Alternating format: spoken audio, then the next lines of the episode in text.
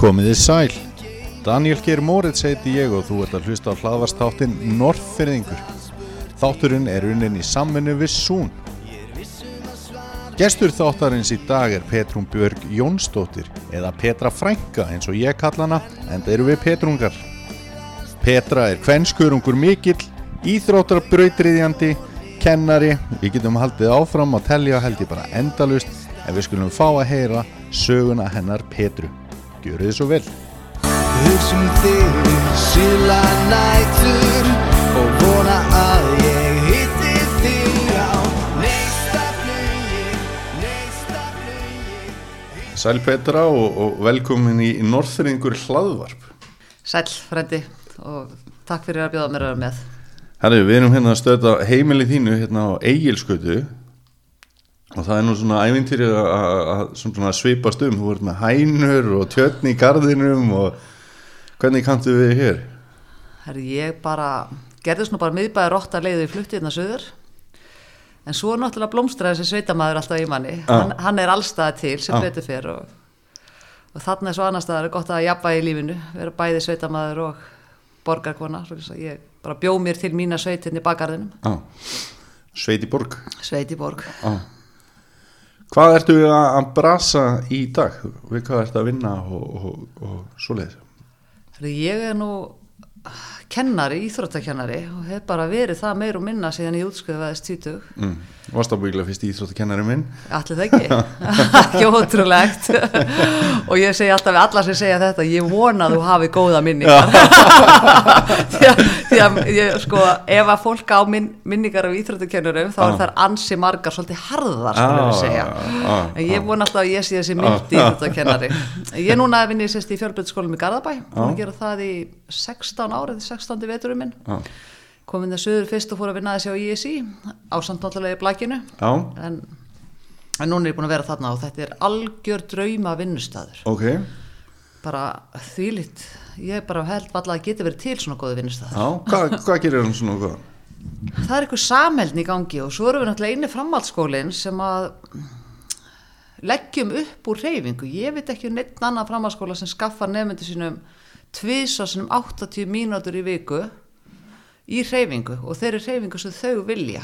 Þau velja bara hvað þau kom inn í þannig að þau eru að spila frítt tvisa sinum 80 mínútur í viku. Mm. babinton, knaspinnu því að við einhvern veginn fórum bara út í það að benda þeim á að þetta væri forréttindin ekki afplánun með að vorum að hitta þau einu svona í viku þá var þetta afplánun því að þú veist, hvað gerur þú við eitthvað þjálfræðilega séð sem þú hittir einu svona í viku og hann mæti kannski annarkveð skipti já, já, já. e, í staðin erum við þarna komið með hópa til okkar sem við þekkjum, þekkjum með nafni getum talað við bara maður um mann og, og hjálpa þeim og með leiðbendum inn í framtíðina með sína líkams og heilsurækt Já.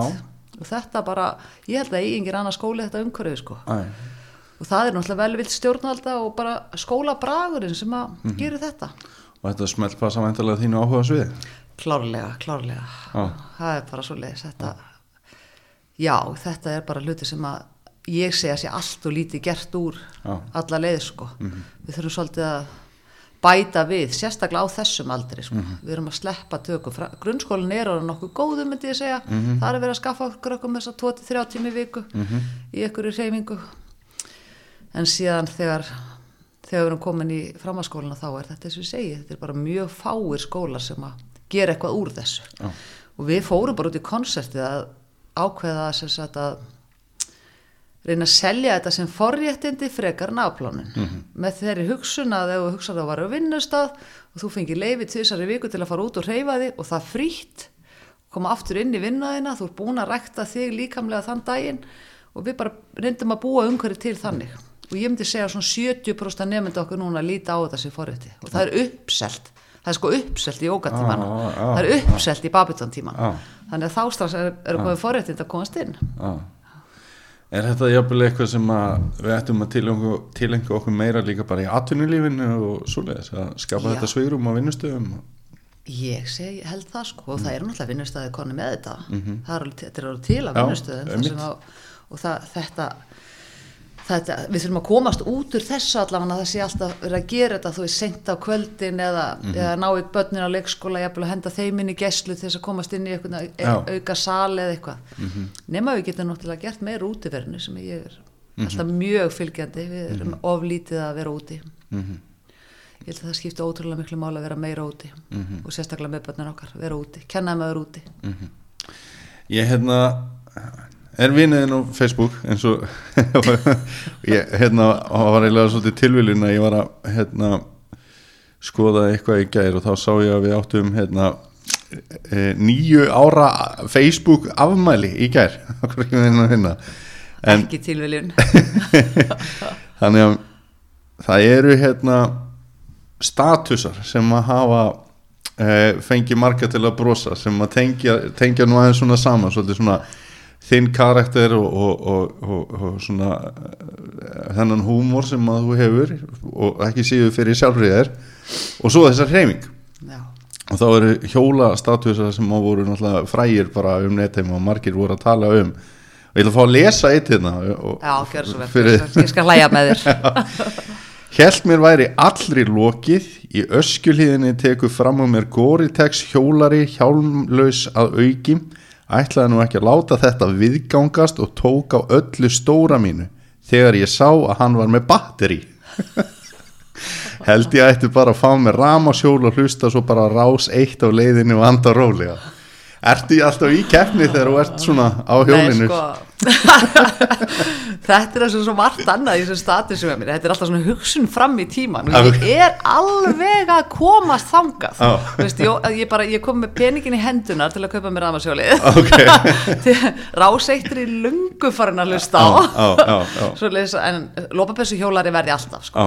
Ég fer ekki í þannig spandingala sko. hann er bara ekki minn stíl sko. ekki frekar en að mjög fáir norfingar til dæmis séð mig í kjól þá, fær enginn að sjá sko, Nei. sko.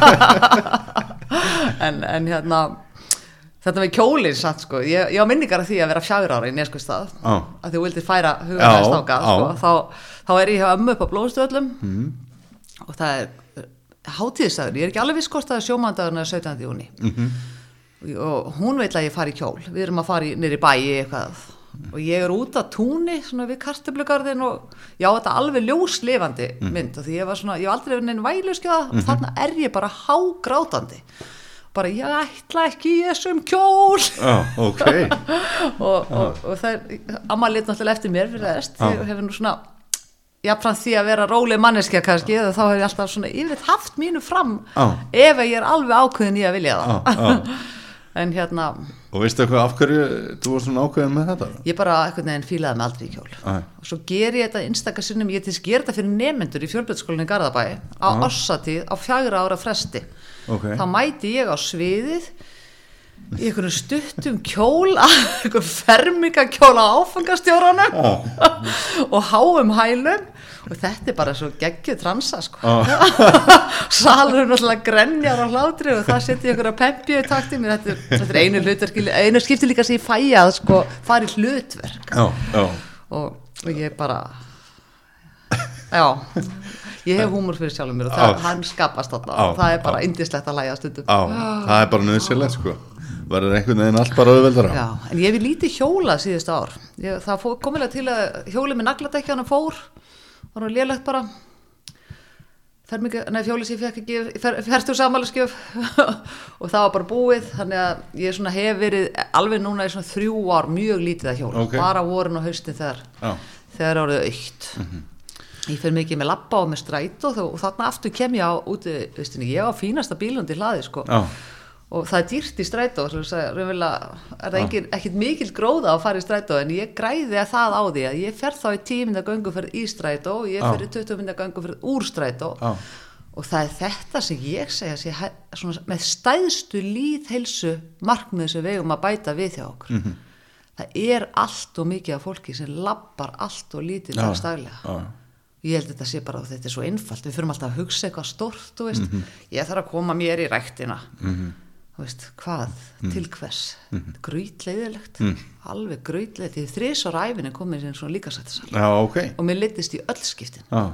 alveg klárlega sko. Já. ég er alltaf fara inn í, þú veist, jókasali og eitthvað- svoleiðis. En útivist og aftur útivist og aftur útivist. Við eigum alveg fullt af góðum fötum og skóm og þetta bara rotnar ef við notum þetta ekki. Já, já. Ég segi þetta sé stóra mál. Og til dæmis að þú sér að bara, þetta er svona rannsaka dæmi að fólk sem að býr til dæmis inn í stórborgunum, í miðborgunum það er oft sjaldnar með bíla það Já. er rosa mikið að labba þessa tíu myndur þangað, tíu myndur þangað tíu Mhm. myndur þangað og er það svona með betra svona líkamlega ástand oft út af því Já, þetta er mælt sko Já, einmitt. svo ferðu á litlu staðina þar sem allir hoppa upp í bílinn Mhm. og fara þessa 2-3 kilometra sem Mhm. er tímiða gangur mörgu svona á dag. Mm. Svíkja sig þá um þessa reyfingu já, ég segi það. Þarna þarf líka að ná þessari hugsun að þú ert með forréttindi eða þú þarft að bara lappa í 10-15 myndir í vinnuna það Mhm. Ok. er forréttinda status Ok, það er bara þannig. Og þetta finnst mér svona ég skrifaði smá um þetta einu svona inn á bærin okkar. Já, ok. Þá var ég aðalega að koma að því sko að þá var ég búin að vera frá austan og ég man eftir svona fyrstu, fyrsta sem ég let frá mér þegar ég var með, með bara jónfrúa ræðuna mína sem eh, frambóðsræðu í hérna fyrir alþýði bandalega sem tíma þegar ég fór fyrst í pólitíkina. Og ég las hann um daginn, ég fann hana. Já, ok. og þar var svolítið þessi, þetta, þessi sami tótt Já. og það var það að bætum aðstöðu fólk til þess að geta labbað um í bænum. Já, og þennan status setti ég líka inn á hérna, bærin okkar fyrir svona kannski 5, 6, 7, 8 árum síðan jafnvel. Ok og þetta er sennilega að finna þar. Þá, þá var ég búin að vera eitthvað fyrir austan svolítið tíma. Já, og bara komst að því að það er ekki tækt. Þetta var ekki tilviljun að, að hérna hann Jón frændi í Seldal var alltaf á götuna á hjólastólum þú kemst ekkit öðru sig það er ekki aðgengi til þess að ganga um það almennilega. Og fara að stutta leið og frá bökkanum og niður á sundlu. Þú ert endalust að vera að fara eitthvað skrítið yfir götur og, og setja þig eitthvað hættu. Já, og ég þetta, mér finnst þetta ég er ekki, þetta er hluti sem að eiga að vera lægi hérna kemstu sko undartekningalöst allt. Mm -hmm. öruga leiðir lappandi. Og á þess að fara yfir gangstyrta kanta og, og hérna er farið að merkja hérna gönguleiðir með svona fyrir blinda. Þannig að það komið svona sérstaklega merkingar. Ætli, ætli þetta mingi einhvern veginn svona pælingarnar við þetta að hafa þá þetta svona hverstaslega í lagi að því að þegar að fólk ætlar sér síðan sannarlega að hreyfa sig að þá höfum við til dæmis eins og snjóflóðarnagarðana og mamma og pappi búa náttúrulega bara beint þar fyrir Já, neðan já. og þar er enda laust af fólki fram og tilbaka sem að er síðan kannski ekki að nota þessar hreyfingu sem þú ert að tala um sko. Já, já, já, þetta er svo leið sko. Já. fólk gerir sér ferðina að ég fari í göngutúrin Já. sem er bara æðislegt líka náttúrulega Já, já. Og, og þessi snjóflagagangar og þessi gönguleiði þar er bara frábærar algjörlega frábærar og bara þetta er fallegt líka að fara svolítið meira útsýni og ferði í brekku, setja hjartaðins meira á stað og svona og bara svona meðaldra fólk, maður sé það bara í haugum þarna. Það vantar hitt, það vantar að, að yngra fólki sérstaklega taki þetta þetta lapp. Og ég man eftir þessu, þú veist, þetta er náttúrulega þetta er svona sem gerist oft bara þegar allir eiga orðið bíl. Mm. og ég man eftir sjálf að bara býða eftir því að fá bílinn og bílprófið 17 ára og, og þá bara aldrei annað en að fara á bílnum allt. En svo einhvern veginn nægir svona setna meir ágættis hugsun á þessu og ég er mjög fljótlega þá er ég mikið að þvælast á hjólinu í bænum og svona. Og ég man ekkit eftir því að það var neitt margir að því. Nei. mann eftir Önnu Björns. Hún var á hjólinu og Trösti Björns var á hjólinu og hann hérna Heppi pappi Tryggva. Og svona það voru, þetta voru svona teljandi fólk sem var á hjólinu sko, aðri bara voru meira og minna með þessi forréttindi, svo mann eftir svona nokkur konum sem að dróu hérna töskuna eftir sér, ég er líka með húmor fyrir þeim sko, já. Svona töskorið, Já. mér finnst það geggja sko, og húmorið snýst bara um að þetta er eitthvað sem við eigum að gera. Um að lappa í búðina og draga eftir okkur töskuna tilbaka Já. þá þurfum við ekki endilegst að hugsa um það hvort við þurfum að fara í ræktina þurfum bara að reyfa okkur í Já. daglegu lífi. Já. og ég sagt það konuna mína sko, ég heldur við sem að lengja hérna æfi árin okkar og nokkur ár með því að flytja hérna í íbúð með stigum. Við þurfum að leipa þetta upp og niður allan daginn og við erum þótt á þessi daglega hreyfing Já. Hún er bara vannmetin já, hún er, skiptir ótrúlega miklu máli. Já. Og nú getur fólk fylgst með þess að allir með eitthvað svona úra handan sem sína Svo eða frægt var í skaupinu. svo- já, nákvæmlega, svo frækt var í skaupinu.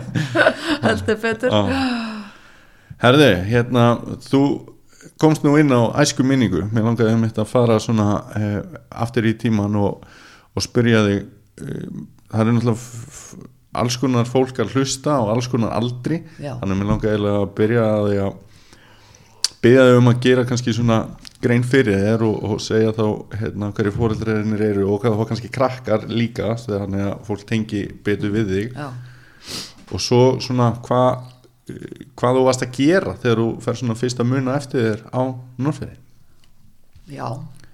Ég sérst er fætt 1962 og mamma mín er Elma Guðmundsdóttir og pappi minn er Jón Einar Jóhansson eða Nonnu Sofíu, oftar kallaður. Uh, þau eru bara bæði orðin eldra fólk í dag og mamma býr hérna á dróflöðustöðum rétt hjá mér, þannig að stutta að fara til hennar og pappi verið austan eða þá ég á þrjú börn. Það er Hulda Elma, Elma sem býr á Akureyri Allir Rúnar sem býr í Neskustad og Jónguna sem býr hér. Og svo er ég að þau slattaða börnum þannig að ég á átta barnabörn Já, og svona þegar ég lýsi sjálfur mér þegar ég kynni mig fyrir krakkar í skólanum þá er það Petrun og Björg og þryggja barna, nei eiginkona þryggja barna móðir átta barna amma og fyrverandi afrismæður í Íþróttum. Þetta er ræðan. Þetta er kynningi sem við tek fyrir hérna. En þú, og, og þú notar alltaf Petrún Petrúna nafnið eða? Að þú, Petrúna þú ert nafnið. alltaf köllu Petra Já, svona í kringum ég- mig og, Já, klárlega sko, ég, ég notaði það alltaf sjálf og það festist bara svolítið á mig Petrunarnafnið hérna í Reykjavík, Já. bara leiðu ég kom þá einhvern veginn og ég leiði því að vera í friði. Já. ég, eins og allir aðrir átti bara þetta Petrunarnafn svona hræðslunafn, veist, mamma að kalla ég gerði það að mér, þá kom Petrun Björn. Já, já, en ég kann bara vel við það í dag. Já. alltaf meira og minna. Svo er nú valla að byrja að vinna í skólanum þegar einn góð samstagskona mín og vinkona eignast batn og, og, og ég er búin að vinna hálft ára og hún skýr hana Petrun og ég bara já já ok, þú ert svona góð vinkona mín, takk fyrir þetta já, já. og alltaf því ég kom með henni eitthvað staði með nemyndum þá segði heldur hún vinkona mín, hún skýrði í höfuðið á mér en hún átti náttúrulega bara ömmu sem hér Petrun líka en nafni bara það sérstakt að það var hægt að, já. hægt að snúi þessu upp já. Jú, ég, ég kann bara vel við nafni Petrun í dag, mm. en ég leifi alltaf nefndum að nota bæði líka. Mér er alveg saman, ég svara báðum vel, jafn vel, sko. Uh, hvar voru við? Við erum austan. Já, bara svona, já, bara svona hvað þú, hérna, hvað þú ert að brasa þú fer svona muni eftir þér og, og hvað, hvað, innbæðingur, útbæðingur Já, og ég er nefnilega að byrja sko. í miðbænum. Þannig að réttu sundlegina, Egilsbreyt nýju. Hmm. Þar í kjallarannum og við hliðina á okkur bjó, bjó hérna Anna Jóns og þar, þar hérna eru bara slatta krökkum í miðbænum. Já, og bara skemmtilegur hópu þar helstu vinninu voru hérna, Kristján Tryggvi Hagnarsson og, og, og hérna, Benni Benni Sveins við vorum þarna og fleiri krakkar í miðbænum Mhm. en það var náttúrulega svo mörg þarna sískinas ah, hvað heitir það, Kristján Tryggvi Mhm. þau voru svo mörg sískinu þar að maður- ég man helst eftir þeim hóp svona í kringum mig til að byrja Já. með síðan fer ég sex ára út af út af hérna það sem gamli tónskóli var. Mm. þar byggum við kjallarinn bara í svona eitt vetur held ég, þangað til að pappi var að byggja hérna eitthvað starfmýri, flytja svo þangað. Svo þess að útbæðingu meir og minna Já. alltaf, og ég man alveg eftir þessu stríð þarna milli, já, Þa, það var þetta var voða hasar og voða gaman sko. já. á þess að ég mun eftir að neitt meðstu Já, en eitt svo leið sko, hvort þetta var meiri í munnunum eða einhver öðru, ég veit það ekki en uppeldi bara á daglegt líf bara frábært sko Já. og þarna þegar við komum upp yfir þá eru komið Vildís vinkona og, og Gunni Sveins Sverris og, Mhm. og bara Sigurbjörg og hérna, útbæðingarnir þeir pappiðinn og, Mhm. og, og Palli mm það var fullt af krökkum mikið, mikið af börnum hann frá í Mhm. Víðimýrinni og Starmýrinni spilaði fótbolta öll, öll kvöld á einhverju túnni og bara mikið gleði Já. þar var nóga útiveri Já. útiveri, það var verið úti gilið á milli starfmýrannar og viðmýrannar Mhm. þar var slegist um að komast út á mótnana þegar það búið að snjóa mikið að hver næði skablinu Já. búið til flottasta snjói sig þar Já, inni já. svo þess að þetta var góðu tími, gott uppeldi og ég myndi segja það já, já.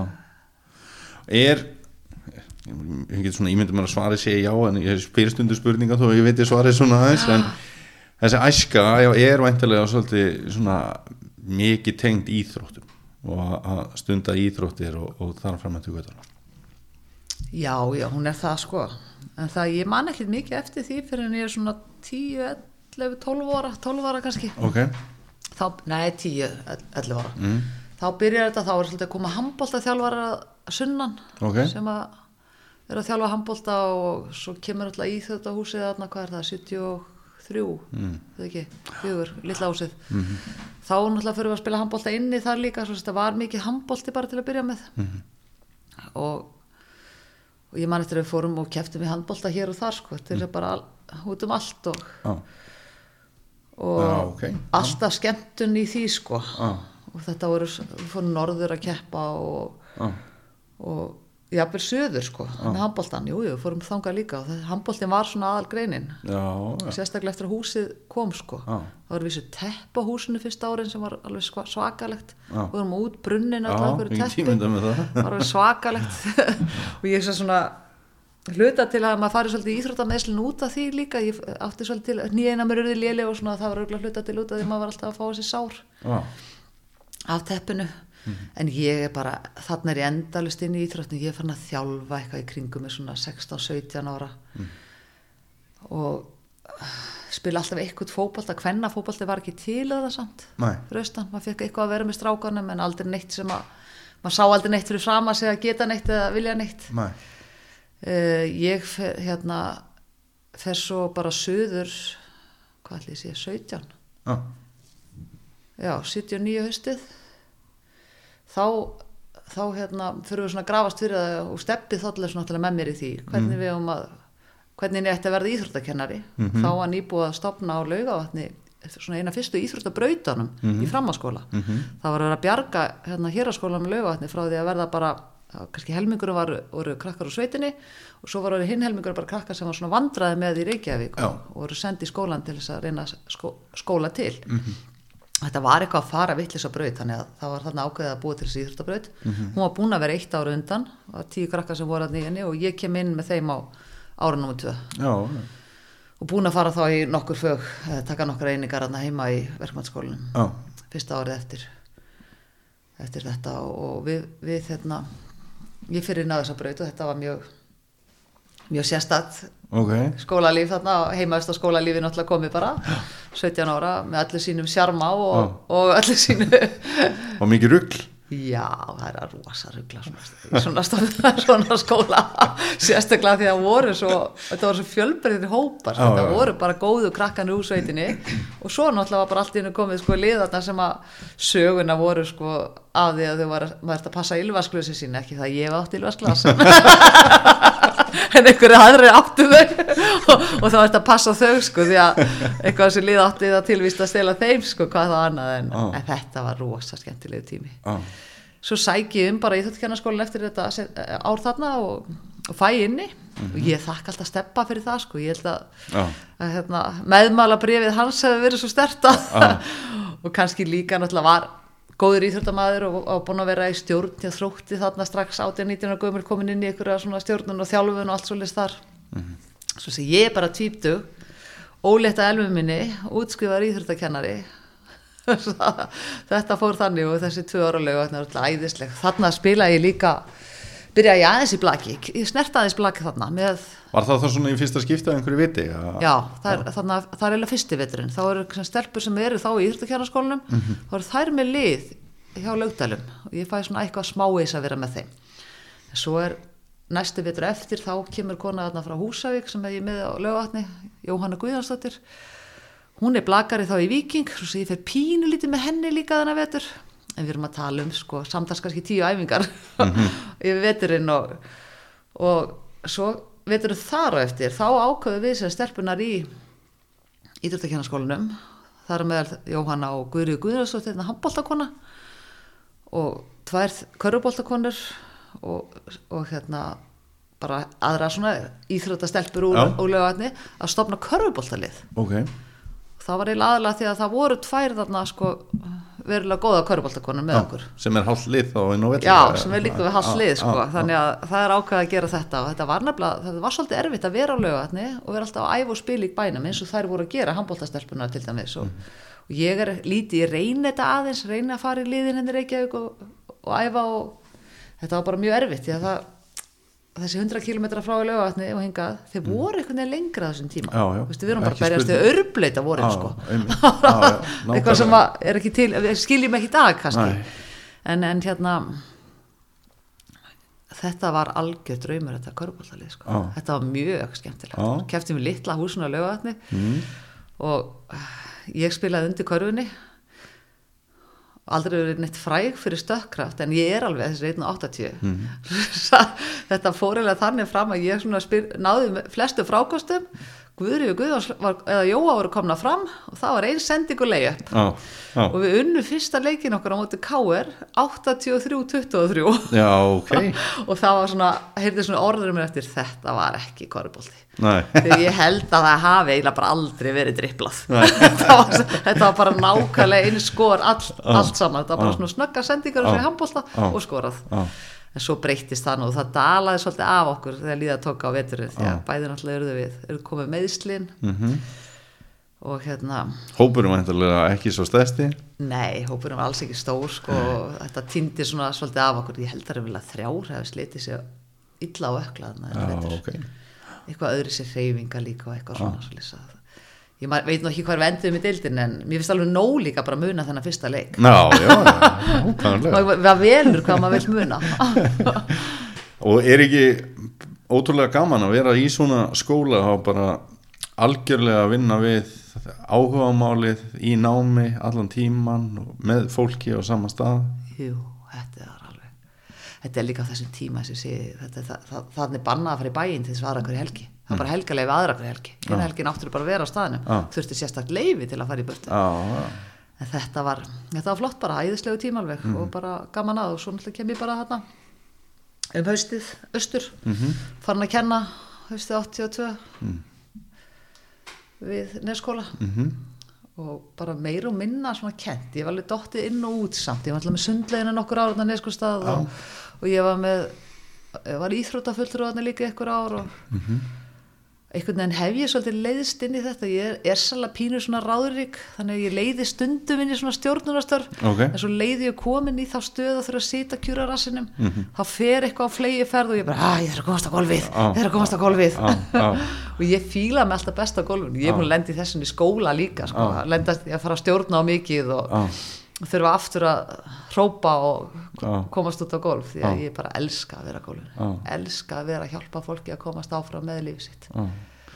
Ég get ímyndum meira að svona þessi frákasta hæfni í, í körfuboltanum eins og að fara yfir sé mikið til út af eitthvað tröst og einhvern tímann heyrði maður að þú hefði keft í sterkasta kona Íslands þetta, já, ég gerði það. Já, en hvern- vísi ekki sterkasta kona Íslands því það var mjög, þetta er mjög fyndið sko. Já. en ég er ógeðslega sterk. Og ég er ennþá svona sterk. Svona aðeins talað að mér. Strákan er fannin að stríða mér svona þessi æ, nenni geta ekki þótt af hennan mamma svona, að þið vita að ég tek hann ekki eins létt og ég gerði. En hérna ég, þetta var á hérna Eyðum Ok, ég held þetta sé 96 eða 7 þarna í februar þetta var þá slít í hásinn í blaki. Þannig að ég var búin að vera svona kannski ekki eins mikið að æfa að gera og þetta, er bara, þetta er bara sumarháttið og það Ok. kom einhverja konur að sunnan eða einhverja konur, ég man alveg nöfnin á þeim en geimi þau bara. Ok. en, en hérna, og við einhverja hreisti konu reysti konur sem er að keppa með í þessu. Þetta var bara svona kraftakeppni. Og ég lendi í þriðja sætið þarna.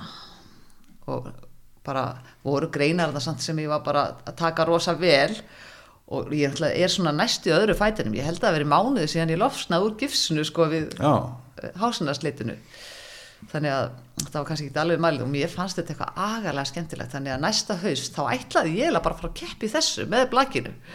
Og ég einhvern veginn svona upplýði að ég væri ekkert mjög velkomin í þessa keppni sem var mjög skrítið já, ok. Ég man alveg eftir því. Það var þetta væri eitthvað svona bara lokaður hópur og þetta var svona meira bara vakstarækta fólk. Já, eitthvað sem ég hef aldrei verið neitt hrifin af. Finnst það er hræðilegt mm Mhm. konsitt að fara svolítið með líka maður sinna að vera ykkur vakstarlegt annarkvæmt ertu, þú mátt rækta líka með þinn en mm vakstarlegt en mér finnst bara ég allan var alltaf nefndi mína við ef ég finna að þau eru koma út að braut þar. Já. að- stíga valega til jarðar. Já. þau séu kannski ekki að vera góð við líka með Já. Varst þú mikið skellibjalla fyrir þetta fólk? Var þetta eitthvað svoleiðis? Já, geti líka verið það. Ég hef verið svona aðeins svo mikill bara töffar í þessu þú veist, ég hef alltaf ég veit alveg, þú veist, að já þann tans tens til. Til dæmis að þarna í þessari keppni þá átti að henda dekki yfir rá. Já. og allir voru náttúrulega að gera það með báðum höndum en ég fann fljótlega út að sveiflukraftu minn var miklu meiri með annari hendin og ég réði við dekki þannig þannig að ég vann það með því að henda með annari hendi. Þá kom svona alveg bara, "Eh, eh, þetta er ólælegt, þetta er ólælegt það verður að henda með báðum höndum Að, jú, ég, það getur vel verið að það hefur verið það sem Já. Ég man eftir í hérna, þú varst að kenna okkur kíló í gamla íþrótúsinu þetta er svona eina af þessum minningum bara úr barnaskóla.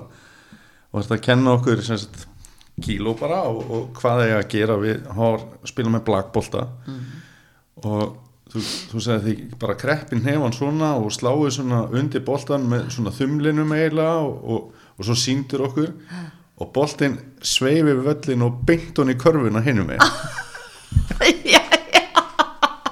og, og vera sjóra gammal að hvað maður var, maður hefði náttúrulega aldrei séð eitthvað svona sko.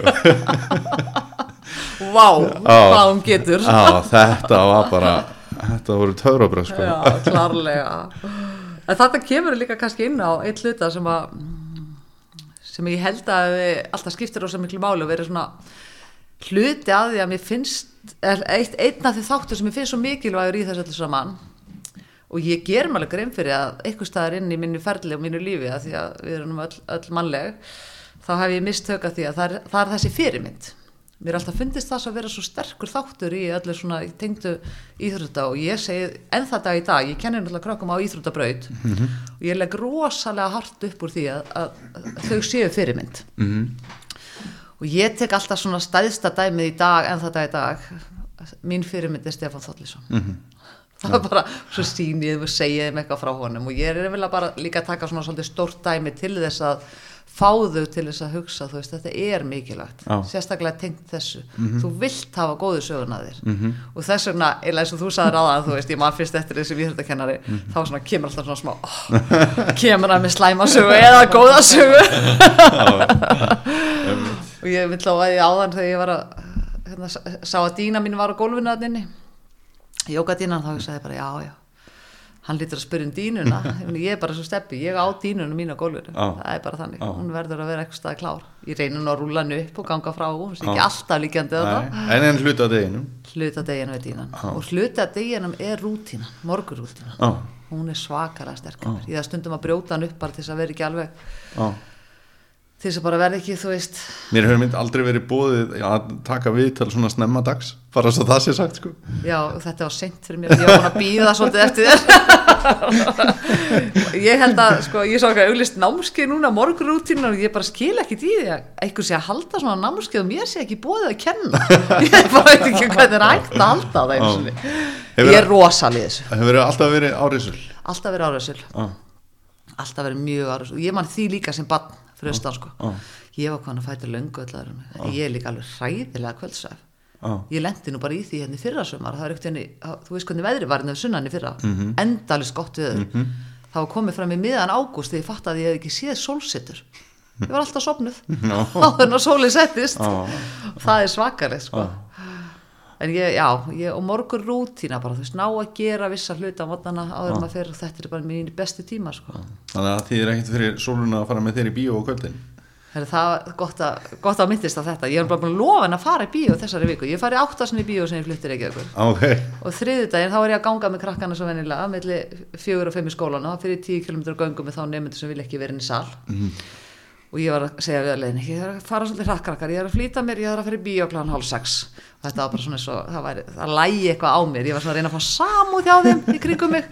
En það var ekkert mikið mér. Svo er ég svona alveg að klára gönguna og ringi svona og segja, herðu betra mín, ég er búin að retta þessu. Stína sýsti kemur með mér á morgun. Já, ok. Í bíó. Já. svo sem ég slappi bíóferðina. En það var um klukkan átta. Já. og hefði ég farið með hennar á þessa bíósýningu klukkan átta Já.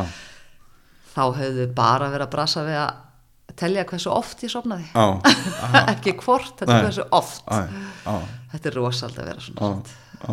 en ég er fín alveg fram til átta. Og ég er alltaf með orkuðlega fram til átta. Herðu, mér langar að spyrja þig út í hérna blakið. Já, það eru uh, ef að fólk tengi þig við eitthvað þá er það blak öruglega svona hvað fyrsta sem fólk geta eftir í hug hvenar byrjar svona þetta blakæði og, og mamma henn á náttúrulega stóran hluta líka í að koma því öllu á koppin ekki satt? Svona í setni tíð, nei Já. hún á engan þetta er fyrir hlutunum minni sko, bara setni hlutin svona. Ok. Og bara hvernig var þetta? Af hverju, sko, ég horfði einhver tíman á þrótt Reykjavík spila byggarúslita leik á móti Káa já, og þetta voru norfiska stelpur að slá á milli. Já, hverju er þetta svona? hverju var þetta svona Sko- vakka blaks á Íslandi? Óli og Grímur eiga það bara alfarið. Á ok, Ólafur Sigursson, hann kemur inn í, inn í þetta með okkur, nei inn í þetta kemur svo stað með Grím. Ég hugsa að það sé svona þú erum ekki alveg að segja árið sko já við skulum bara sleppa því ártali það er ekki gott að fara með eitthvað villist ártali en þeir, þeir eiga alveg blóman að þessu sko. Komið svo stað og eru tveir alveg meira á minna þetta upp. Og ég man að þeir eru fiskkonu með uh, þjálfara frá Kína. Býtum við ég er, það er bara kringu 90 sko. Ok. Sem þeir eru, og jafnvel fyrr sem þeir eru konum með þjálfara frá Kína þarna heim og sem var bara rosalega lifti stöng fyrir blakið á Íslandi jafnvel, það var, voru nú komnir eitthvað staðar annar staðar, þetta er miklu fyrr þetta er 87 eitthvað svo Ok. leis en hérna, það, þeir eiga bara að byrja og eiga blaki bara alveg þa þarna næstu bara hvað, 10-15 árin sko. við mamma komum ekkit almennilega inn í þetta og hún þá með mér fyrir að þeir bara segja þetta af sér og það er bara rétt undir 2000 sko. Já, ok, sem það er. Og þá kemur mamma inn með mér. Hún er alltaf búin að vera með rosa reynslu búin að vera allstæðir í stjórn öllum íþróttafélagum ója og þrótti bara meira og minna síðan. Það var 1700 og súrkál já, bara. 1700 súrkál eitthvað svo leið sko algjörlega þannig og hún var rosa sterk í sko fjáröflun líka þegar deildin deildin hérna var komin í svolítið fjáras krökkur þarna þegar við tökum við hann hún réttir það bara af að nokkrum árum og Mhm. ros, það er svakalega kraftur í henni á þessum tíma. Mhm. vel stödd í lífinu sem hún ekki, ekki alltaf verið blessunin en þannig er hún á góður stað í lífinu er, Mhm. kýlir þetta allt saman í gang með miklum, miklum krafti.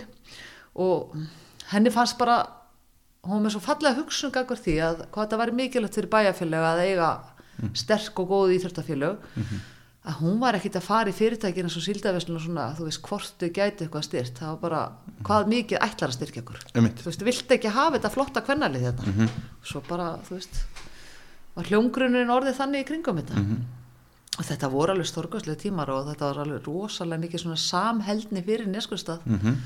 og held bara lengi þú veist, svo náttúrulega fer ég þannig burtu 2003 mamma heldur aðeins áfram inn í þessu. En, ég endaði að halda þarna svona öldugómót sem að var líka náttúrulega liftist inn bæði fjárhagslega og félagslega fyrir hópin Mhm. eða fyrir íþróttuna og, og þróttu bara sem betur fyrr heldur sínu og titlar og ekki titlar sem er náttúrulega alltaf á svona litlu stað bara já. þessi rennir í þér gegna á unga fólkinu sérstaklega.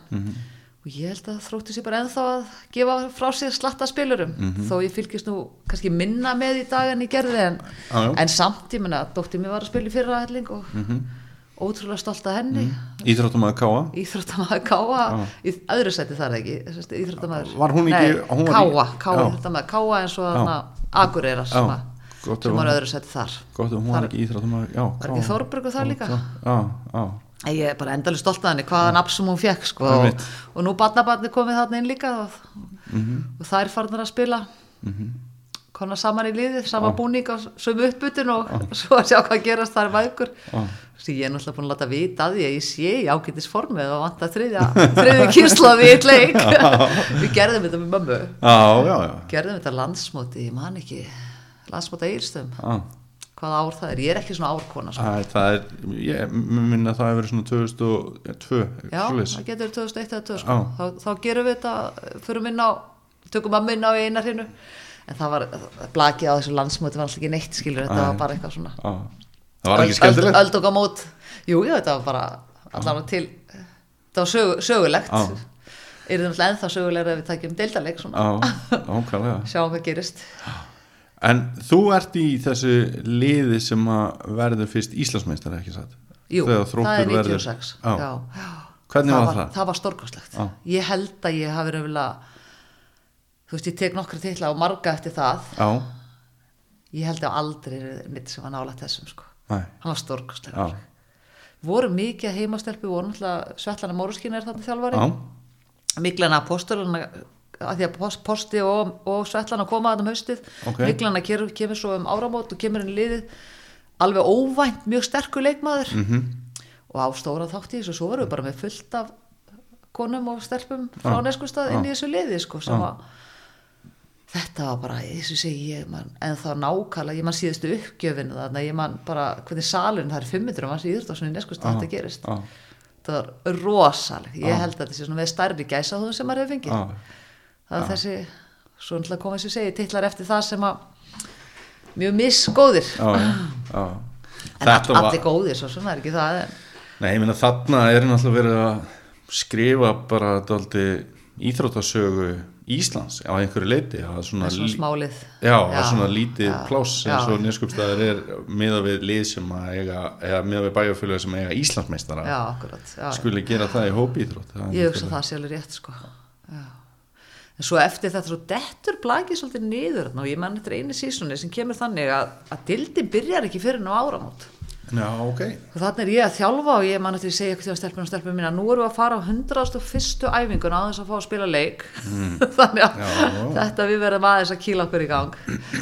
Og það er náttúrulega eftir það. Já, já, bara, tekur bara síman Nei, ég sleppa á honum.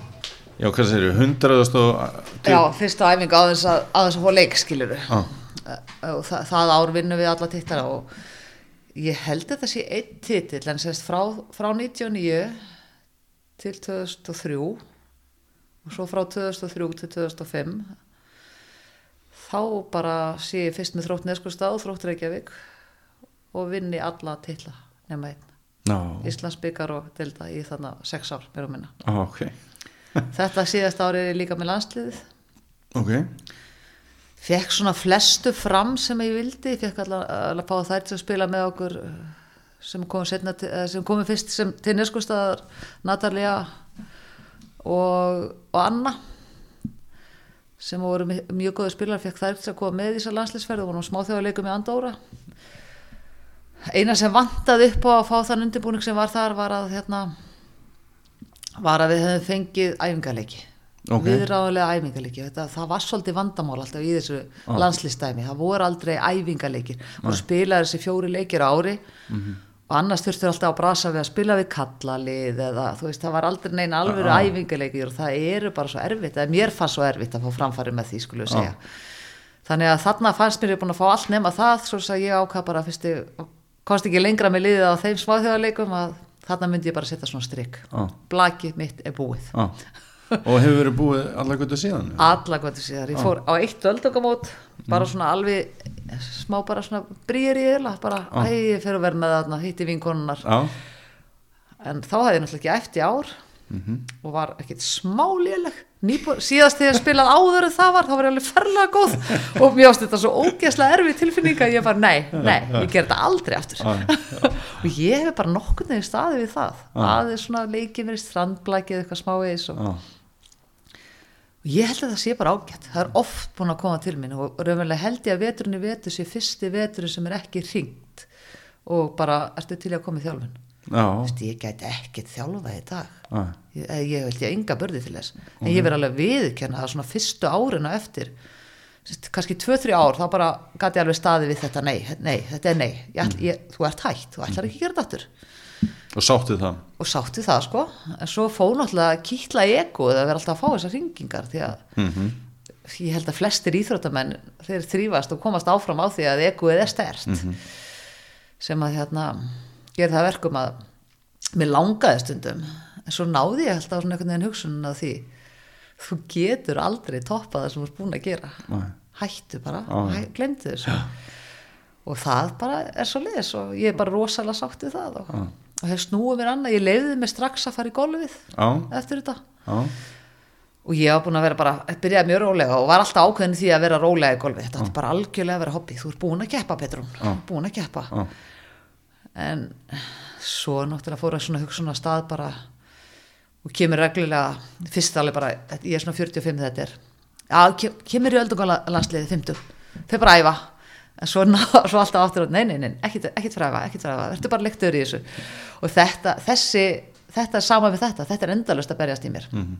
En ég held þessi líka að þar. Já, ég æfi aðeins, svona til að leika mig bara til að verða aðeins betri. Já, en ég held að mér líði alveg að vel í golfi. Mhm, hvort ég er með 10 eða 12 eða 13 í forgjöf skilur þannig að fyrst og fremst ger ég allt sem ég get til að njóta þessi verið í dag já, og ég hendi alveg út á borðinu þessu að þurfa eitthvað að æfa og æfa og æfa til þess að ég tók svolítið við mig á þessum tíma, þú veist, ég er búin að standa og slá bolti í vegg.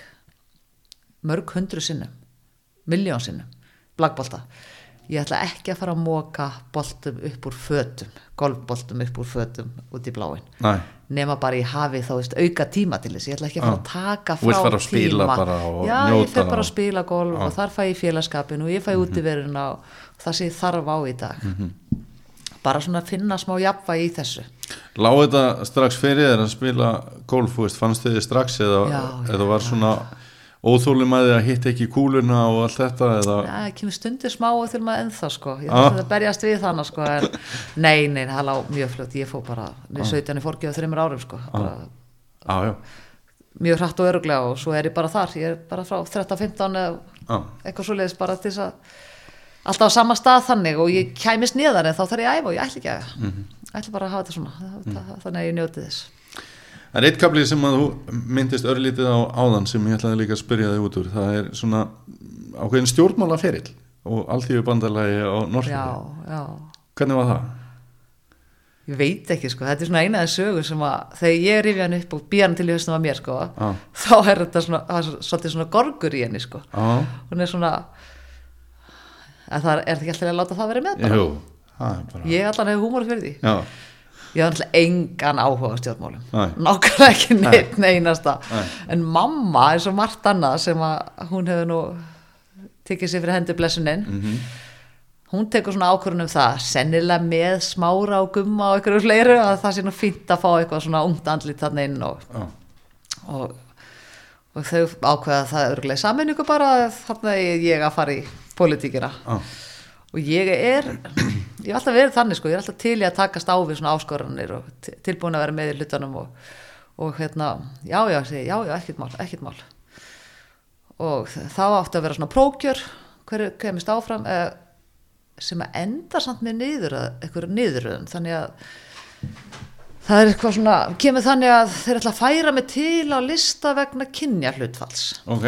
Og ég bara nei, nei, nei, nei, nei, nei, nei, nei ekkert svoleiðis, ég annarkort er ég bara það sem var kosin eða ekki og þetta endar með því að ég samþykja að fara í sjötta sætið á listan semst verði fyrsti varamaðurinn í þessari kostningu og þú verður þarna ef þú vilt hafa ártöl að rifja þau upp eða Já. þeir sem eru að hlusta geta sjálfur fletti upp. Ég held þetta sé 96 mm ok, gætir þið fyrr, þetta er fyrir sannlega allavega er þetta hérna þannig að ég tek líka mér að vera kostningastjórið þarna. Já. mamma er að vinna þarna á Austurlandi og ég er með aðstöðuna þar og, og auðvitað hún alveg svoleiðis að berja mig gegnum þetta og kenna mér allt sem hægt var að læra við þetta. Hefði einhvern tíðan gert þetta örgulega sjálf. Uh, mér fannst þetta gaman þetta, þessi hluti að þessu svona Já. keppnislutin skilur ég er að keppa um að vinna eitthvað hérna það fannst mér geggja gaman en að hafa einhverja stóra skoðanir á því Já. hvernig sveitafélagið ætti að vera nema þá kannski þetta sem ég sagði þér áðan að það var í frambúrsöðinu að það væri betra aðgengið til að ganga um bæin já eða eitthvað slíkt. ég myndi aldrei segja að ég hef verið eitthvað stort pólitíst já, en vinnuþjarkur þannig að ég gæti alltaf gert það sem hinnir hinnir lögðu fyrir mig. Mm. uh, við vinnum þetta þannig að við fáum sex menn inn. Bara þryggja við, minna við, já. Já, og það var náttúrulega bara stórkastlegt alveg að vissu leiti bara að vinna sko, það er alltaf svo gaman að vinna. En svo littis mér alveg hræðilega að setja alltaf þess að bæjast þetta því að ég er svo aktífa. Þú veist, mitt vandamál ennþá í dag er að setja kjörur. Já. Þú veist, það er þess vegna sem ég fer ekki bíó. Já. Þú veist, að ég bara, og ég vanda að vera að setja kjörur svona lengi. En jú, jú, mér fannst þetta ágeð, fannst það gaman. Allan þetta er þegar koma næstu kostningum það voru flottu félagskapur í kringum þetta kynntist þarna þessu eðal fólki í þessu. Báðu megin borsins eh, segja Einmitt. það, ég hef alltaf reynt allt sem ég get í lífin að byrja byrðingu fyrir fólki, alveg sama hvar það er og hver það er. Þá finnst mér það stór hluti að hlutana bara vera, byrja virðingu fyrir fólki eins og það er. Já. eh, ég man alltaf eftir fyrst eh, svo eftir saminningu þá kemur aftur kostningar og ég ákvaði að vera aftur með svona aftur með semingi. Ekki alveg viss hvað ég vildi í þessu. Segja aftur sjöunda sæti, ég skal taka sjöunda fyrsti varamæður og við vinnum aftur sjö fjórir.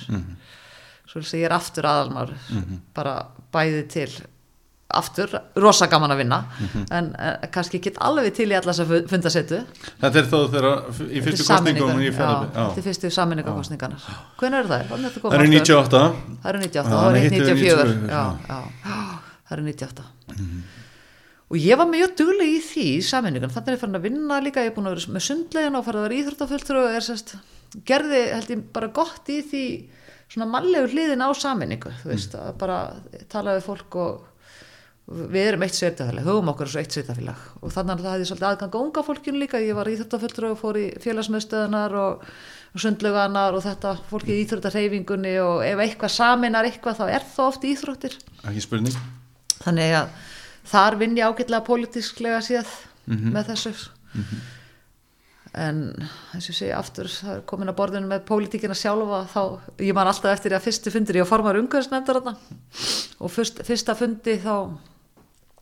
erum við bara svona að setja okkur í störfin og, og, og það var alltaf sjálfgefið að meira hlutin ætti formann og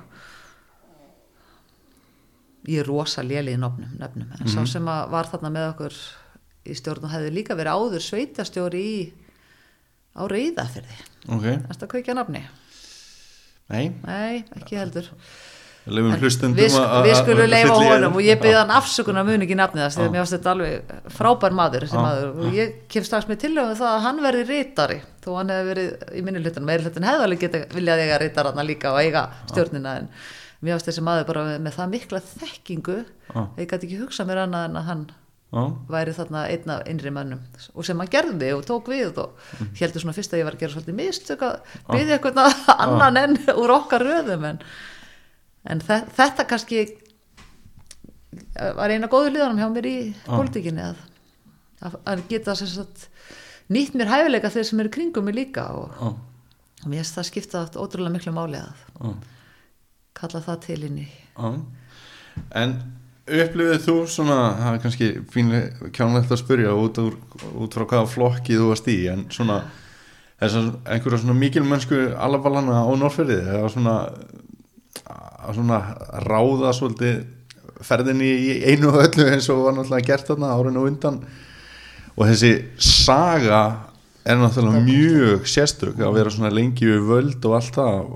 Veist, hvernig eins og eitthvað svona átök við minni hluta út frá einhverju svona eða hvernig var þetta á þessum tíma? Nei, veistu það, ég bara ég eiginlega þor ekkit að segja það sem ég sem, ég, sem mín skoðin er þarna sko. Ég, Ég skal ekki segja neinum nei. nei, þú er að lofa því að segja einhver frá því þá allavega. Ég held að þetta veri bara úttalega innráð. Já, það er, það er engin spurning. En svo er það ekki bara svoleiðis í svona hlutum? Ég- ég ég, bara, ég get ekki séð þetta hafi geta verið mikið öðri sig. Nei, og svo segir maður þá líka alltaf á móti og var það ekki bara allt í lægi með að hvað sveitafélagi er statt? Eða, eða bærin er stattur og, það, já. og hvernig þetta hefur blómstrað allan að tíma. ég, segi til dæmis eins og með blakið hjá okkur. Við mamma vorum ekkit líf ekkit, þú veist, við vorum ekki, það líðræði í gangi hjá okkur. Við vorum blakið, við vorum bara tvær og réðum þess að stjórna þessu. Á. þess vegna gekk þetta vel. Já, og þess vegna gekk ég mjög margt vel í neskustadi Á. þetta voru alltaf bara tveir, þrýr karlar, Á. meir og minna Á. sem réðu, já, einfaldir stjórnunarættir Mhm. gerist margt. En mikil yfirsýn út á löngum tíma. Á, já, en ég, ég, já, já, þetta- ég held að þetta hafi verið svo leis Já. en hvort það var eitthvað slent sem gerðist við það, ég veit það ekki. ekki frekan, jú, jú, það gerðist náttúrulega slent með blakið. Það var bara tvær konur sem Aha. kalla blakið bara hrundi Já, og það gerist örgulega í örgulega verið eitthvað í pólitíki líka en ég er bara of lítil sögu kona til, að, Já. til að geta hérna, skilgrænt það en innræði en þetta var meira minna innræði Já, held ég sko, alltaf svona þessi segið hvort það var Bjarni og, og Lúðvík eða einhver aðrir skilur Já. lengt aftur í tíma þá var þetta meira minna alltaf svo leiðis það gerast ofsalega margi sterkir hlutir eh, mín skoðun þetta hana við það og ég sveitafélagi bara frábært að mörgu leiti þannig að Já, ég, ekki hef spurning. ég hef ekki meira ég, hef ekki meira um þetta að segja. Færum okkur úr pólitíkinu hann er ekki heitast hjá mér. Hérna íþrótta áhugi þinn eh, við erum nú aðeins búin að koma inn á það hann smitast mjög auðveldlega í börniðin já, og ég var nú ofta inn á þínu heimili sem krakki og Mm. þetta var, niðri var fótboltavöllur þar sem að hurðirnar voru mörkin og það var alltaf eitthvað verið að brasa og allir hún að þreiman upp á reyðhjóla hjólin á golfvöll að fara að gera eitthvað og, og mikil, mikið íþróttarlíf á já, heimilinu. já, já, já, já, og mér segja Ístill, minn fyrirvandi maður hann, hann var yfir á staði þetta líka. Já, en það bara, já, ég, þetta er eitthvað svona þetta er menning, þetta er svona, þetta er svona hefðir sem skapast í kringum þetta og og skemmtun og ég held að þetta sé öllum rosa heilbrygt og getur tilengaðir eitthvað að þessu. Allir hún náttúrulega var svo fór aðra leiðin hinnir, hann var bara hættur sinni í keppni upp á 15 ára. Og, og kannski hreyfir sér samt í dag alveg rosalega mikið með að marga aðra en Já. svolítið eins og ég hef talað um áður að hann tekur náttúruna já, og er út í henni. Akkurat. og þau svo sem hinn keppnisfólkið, Elma og Jón þau hafa líka verið að færa sig þangað. Þau eru svolítið komin í hlaup og utan vera hlaup og göngu skýði og Já, fann að færa sig í, í þetta umhverfi frekar en úr keppnisíþróttunum þau eru alltaf svona meira og minna. Ég meina Elma á, á hérna hennan glæsta blagferil sem er ennþá í gangi Já, já, og já. hérna þó hún verði hvað, 38 ára þessu ári er hún ekki 82 jú, hann, jú, jú, hún átti þetta hann, hann, í fullu fjöri og.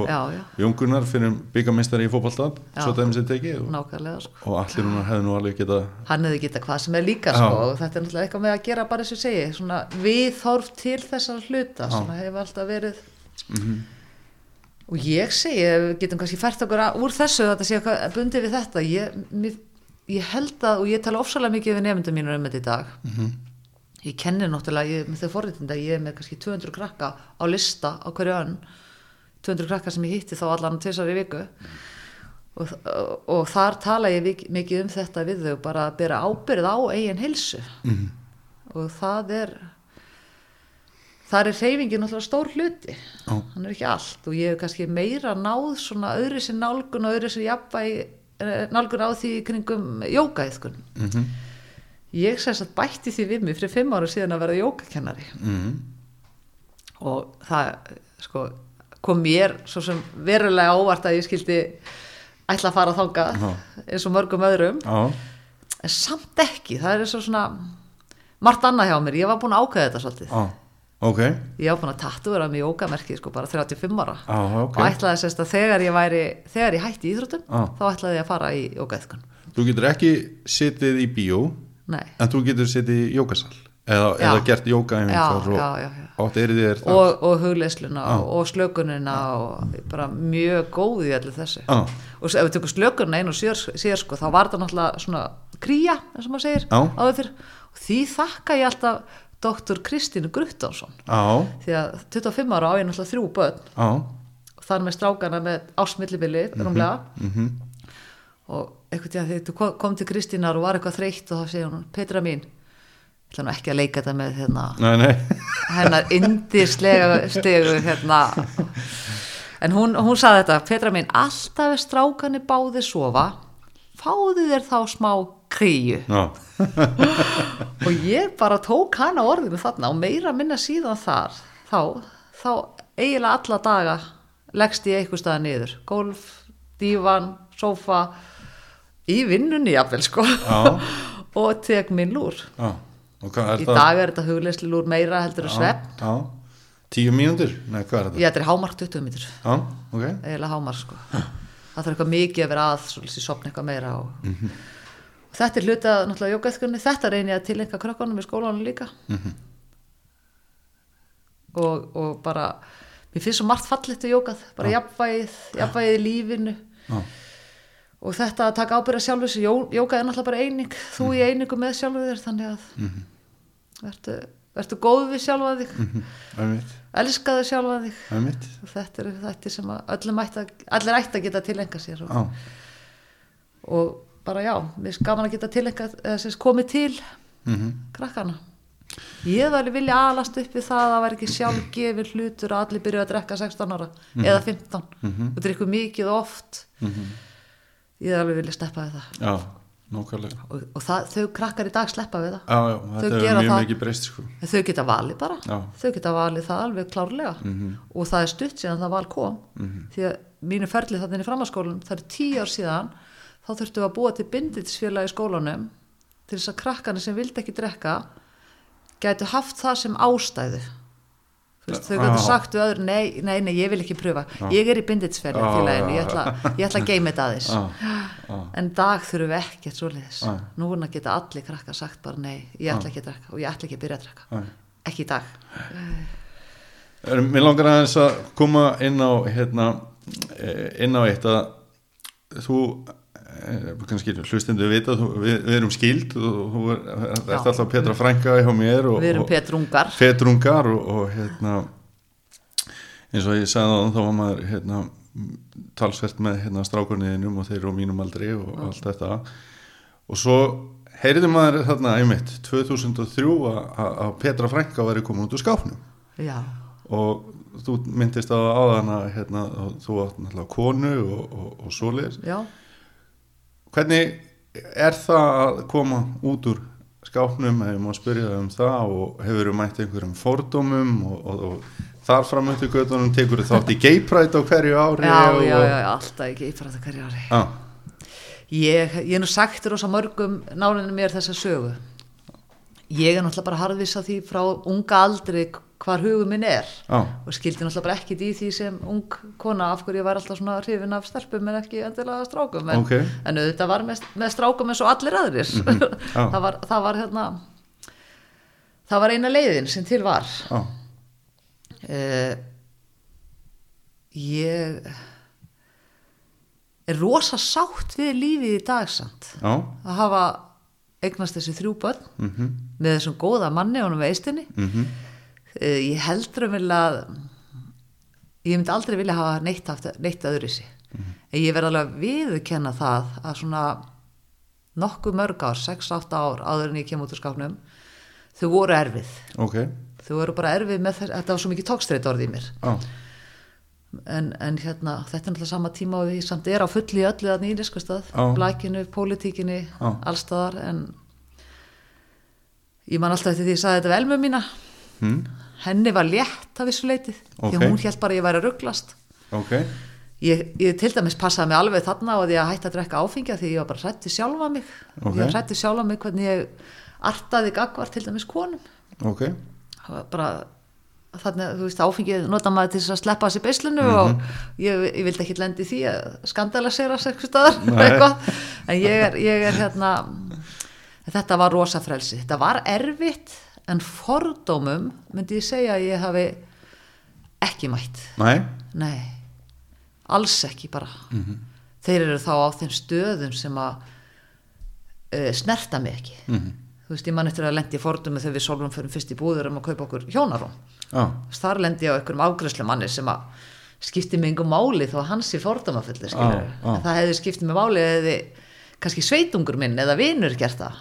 En nei, aldrei, hvergi og hvað var hann þá að hafa einhverja aðfinnslur já, á með einhverja aðtöðasendir sem voru mjög spegjulega en Já. auðvitað hafði ég bara húmor fyrir því. Já. en mér brá þegar fyrstu skellurinn kom. Já, annars bara hefur þetta gengið þannig veist, þetta er erfitt, þetta er erfitt að gangi í gegnum því að fordómanir þegar þú ert ferdu og gerur út af skápnum rúmlega það þá eru fordómanir alltaf bara að gagast sjálfu þér.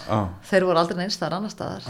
Og svo náttúrulega þegar þessi, segi, þessi þá viltu bara kannski heldur ekki gera þetta skilur bara, það var alltaf svona að reyna að treyna þetta barnana minna vegna og lefa þeim að fá aðeins friðlengur með mér og, og reyndi þess að mitt besta til þess. Og ég sem segja enn og aftur ég er rosa sátt við líf mitt. Að að fá þessi indislegu börn og öll þessi barnabörn og ég hef ekkert getað hugsað mér öðru sig og í dag á ég indislega konu búin að búa með sólunum minni síðan 2003 Já, og bara dásemda lífi, tökum þátt í geiprætjú í alla daga, geiprætjú var aðeins breyst undarfarið, Ok. fór aðeins að vera pólitískt með það pínu erfitt. Já, en svo náttúrulega er ég eina af þeim konur sem á pínu svona brautriðendastarf ég veit ekki hversu marga konur hefur til dæmis þjálfað meistarflokk kalla í íþrótt. Mm -hmm. ég þjálfað þróttir ekki að gætvetur og rosa stolt af hann Elsu Já. Sæni Valgistóttir fræng, frængum minni að gera það síðan líka við meistarflokk kalla í HK ég veit ekki hversu margir, ha- marga konur hafa verið að gera það en það er eru eitthvað en ég, svo, ég hef verið með eina fyrir þar. Ég held að ég sé núna fyrsti hinsegin fulltrúin í framhaldsskóla. Já. ég er sérst með stöðugildi í framhaldsskólanum í fjölbjörnsskólanum í Garð, Garðabæ Já. sem hinsegin fulltrúi. Ok, og hvað fælst í því að vera hvað í hinsegin því bara hugsa um hagsmunni hinsegin fólks í Já, skólanum. já. standa fyrir hinsegin viðburðum og hóa saman þá krakka sem vilja kannski leita til og vera talsmaður þeirra og, og, og taka við því ef eitthvað er sem þau vilja fá aðstöð með. Við erum búin að búa til hinsegin félagar og Hefur þið þá lendið því að hafa komið ungmenni til þín þar sem eitthvað er að brjótast um í hausnum og þur, þurft að fá svona eira eða svoleiðis? Já, já, það er aðeins komið, það er ekkert mikið af því en, Já. en er ég ekki skilur, þannig að einmitt. ég tek ekkert stóra viðtali þar Nei, en, nei, nei, en peppu nei. fyrir teki Já. og, og teka mótið þeim Já. Mhm. og reyna að vísa þeim þá veginn ef að eitthvað meira er Ég er náttúrulega var forvarnafulltrúðan í fleiri, fleiri, fleiri ár sko, í, Já. í Garabænum Já, tíu árið eitthvað svo leis Mhm. Það gekk vel því að þar fyrir líka úr því ferli að þess að ég segi upplifa að einmitt þess, þennan tíma með krakkana. Þar sem allir, jafnvel hefðin á Íslandi var svo að byrja að drekka á fyrsta framhalskólaballinu já, já. upp í það að við vorum búin að senka því við vorum fann að mæla og svo sem ekkit. En allan mjög mikla breytingar. Breytingar til þess að nú upplifum að framhalskóla bara það sem allan helmingur nefnda er Já, án áfengis. Já, og ég veit ekki hvort þú heyrir að mér frekar svona umhugað um áfengisleyslu Mhm. og, og eðlilega skilur þú veist, allstaðar í kringum mig og eigum við ættingjar sem á vinni og alla sem að hafa áf, áfengið hefur leikið grátt. Já, og kannski helst mamma mína sem að náttúrulega bara leiðin til ástand með. Já, já. um, hún er hún Tóren Mhm. er hérna á dróflegastöðum en voða lítið líf og lífsgæði. Já. lítið sem að hún þekki fólk en þá alla, svona allt flesta sem koma til hennar. Já. og bara yfirleitt alla. Já, en ef ykkur er farið, ný farin þá mann ekki alveg hver það var sem kom. En, en hún er en mér finnst ég, já ég hefði sérst viljað fara öðris í gegnum það. Já. áfengisferli, mér finnst áfengi ég hef ekki ennþá hitt fólk sem að hefur mist af einhverju hefða þess sleppti að drekka áfengi. Nei, nei, nei.